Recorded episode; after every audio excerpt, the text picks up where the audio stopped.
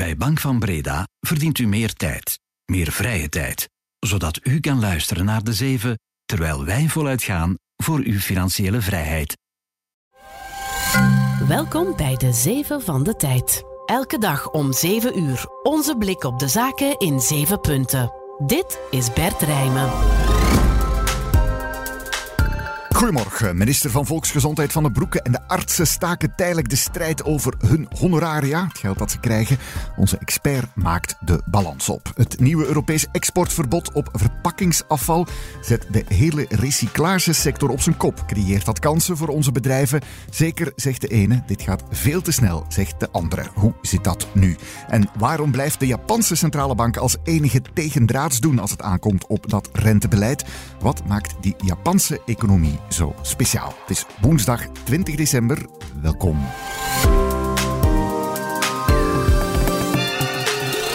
De zeven van de tijd. 1. Maar eerst even nieuws van vannacht. Het Hooggerechtshof van de Amerikaanse staat Colorado heeft beslist dat Donald Trump zich niet verkiesbaar mag stellen voor het presidentschap vanwege zijn acties bij de vorige verkiezingen. Het Hof beval dat stembiljetten met zijn naam zouden worden teruggetrokken uit de Republikeinse voorverkiezingen, de primaries van die staat in 2024.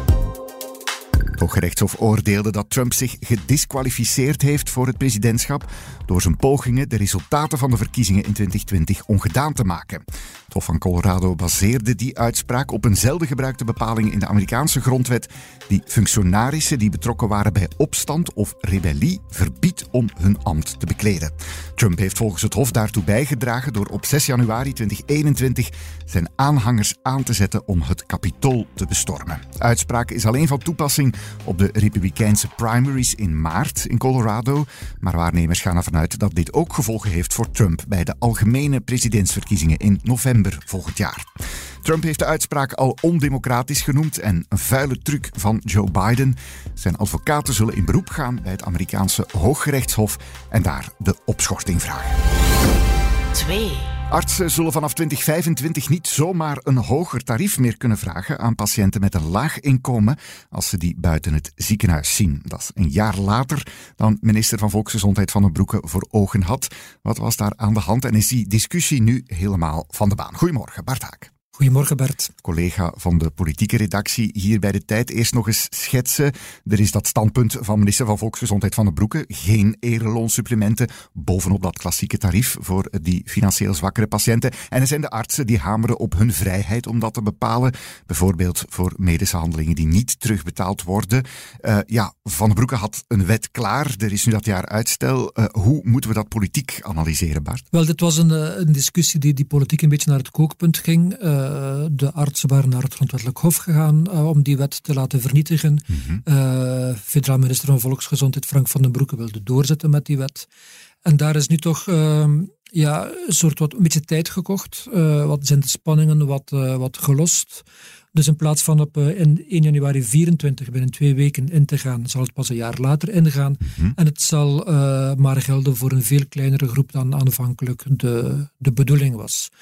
Um, en op die manier is eigenlijk vermeden dat dat conflict ook andere, andere overleg en andere akkoorden in de weg ging beginnen staan. Mm -hmm. Over welke akkoorden hebben we het dan, Bart? Wel, om de twee jaar maken de, de artsen en de ziekenfondsen afspraken over uh, tarieven voor de patiënt en de honoraria voor de arts. Dat maakt dat er wat uh, zekerheid komt over wie wat betaalt als je naar de dokter moet.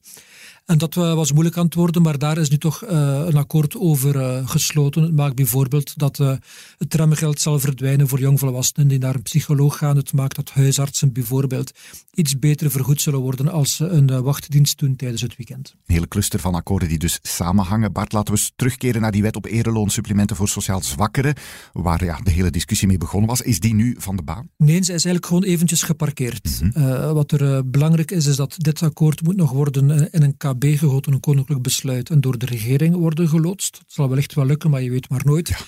Maar meer fundamenteel, de artsen zijn naar het grondwettelijk hof getrokken om die wet te laten vernietigen. Ook die procedure loopt nog altijd. En het zou dus kunnen dat we in 2024 daar een uitspraak over krijgen. En dan, uh, ja, dan heropent de discussie zich en dan zal blijken in welke mate de artsen inderdaad die vrijheid hebben om hun tarief te bepalen, dan wel of de overheid daar mag insnoeien om het, de betaalbaarheid voor de patiënt te verzekeren. Dankjewel Bart. Graag gedaan. 3. Het lijkt erop dat verschillende sectoren een uitzondering krijgen op de belastingverhoging voor VZW's. Meer bepaalt de belasting op eigendommen van VZW's. De federale regering heeft een wet klaar om die patrimoniumbelasting op te trekken van 0,17 naar 0,45 procent. Maar het middenveld en de Vlaamse regering protesteren. Het gaat om een belasting op gebouwen, beleggingen en termijnrekeningen. Vlaams minister van Jeugd Benjamin Dalle vraagt een uitzondering voor de jeugdsector aan zijn partijgenoot Federaal minister van Financiën van Petegem. Ook de scholen van het katholieke net vragen zo'n uitzondering. Doet de NVA vrezen dat de CD&V-minister vooral de eigen zuil gaat bedienen, in tegenstelling tot sectoren als sport en cultuur in de Vlaamse regering onder voogdij van NVA.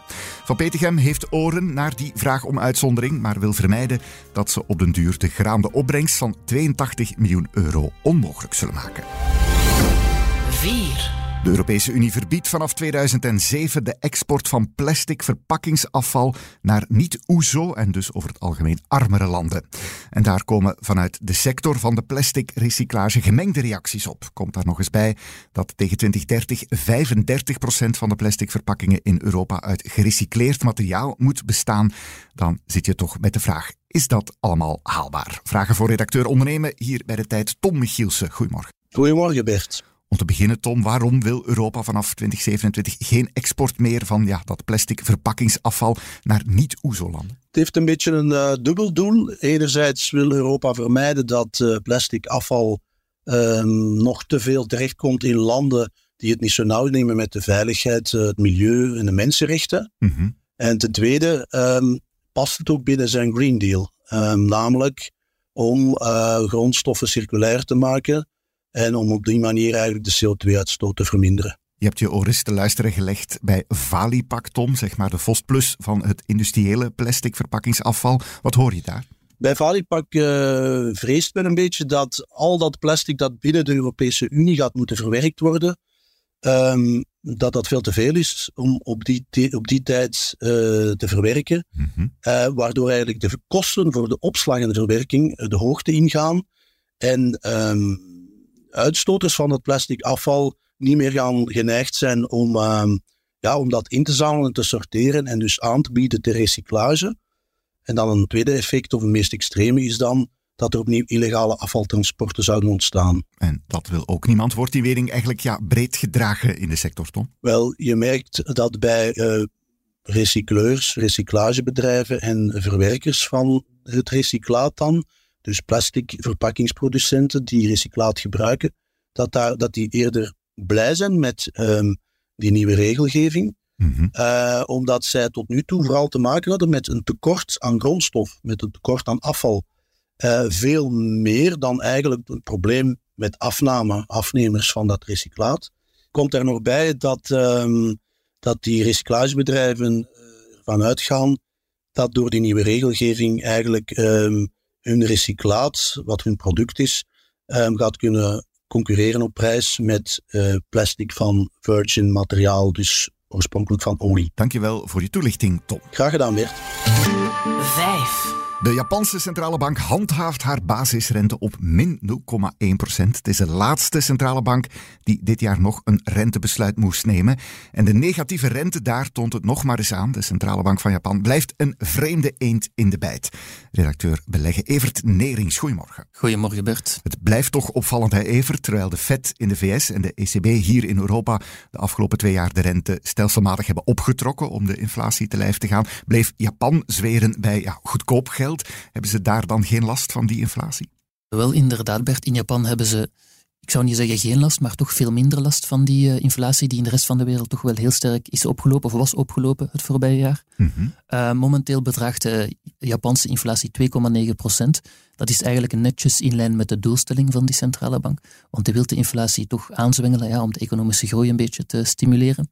En om die inflatie structureel boven die 2 procent te houden, zegt de gouverneur nu van kijk, we gaan het rentebeleid nog een tijd soepel houden en het stimulusbeleid zal nog een tijdje gehandhaafd worden. Ja, en dan heb je ja, aan de andere kant in de VS en Europa ja, een groeiende speculatie. Kan je zeggen dat de centrale banken een renteknip overwegen? De rente dus opnieuw zouden gaan laten zakken. Hoe zit dat in Japan? Wel, toen de nieuwe gouverneur Kazuo Ueda werd aangesteld begin dit jaar, was de verwachting toch wel dat hij snel werk zou maken van een normalisering van het rentebeleid. Mhm. Wat betekent dat in Japan? Ja, de rente liefst terug naar nul brengen en ook, als het kan, ook in positief terrein uh, terugbrengen. Ja. Uh, dat is voorlopig nog niet gebeurd, omdat hij zich nog niet ja, zeker genoeg voelt om dat rentebeleid al te gaan verstrengen. Maar de verwachting is wel dat de komende maanden en jaren dat dat toch eens zal gebeuren, dat de rente toch uh, eens zal opgetrokken worden. Ja, wat voor reacties kwamen uh, daarop, Evert? Bijvoorbeeld ja, de Japanse munt, de yen, hoe doet die het? Wel gezien het uiteenlopende rentebeleid in Japan en dan in de, in de rest van de wereld, heeft dat toch tot gevolg dat de Japanse yen onder druk staat ten opzichte van die andere wereldmunten, de euro en de dollar. Um, ondertussen is de yen teruggezakt naar bijna het laagste pijl sinds 2008. Ja, dat is toch alweer 15 jaar geleden. Dankjewel, Evert. Graag gedaan, Bert. 6. Een wissel aan de top van de gastankerrederij Exmar dan. Karl-Antoine Saverijs wordt op 1 januari de nieuwe CEO van het bedrijf. De zoon van hoofdaandeelhouder Nicolas Saverijs volgt Francis Motry op. Die blijft wel aan boord als operationeel directeur. Nieuws is gisteren na beurs bekendgemaakt. De generatiewissel komt na de mislukte poging van Nicolas Savrijs om Exmar van de beurs te halen. In september verwierf hij bijna 84% van het kapitaal.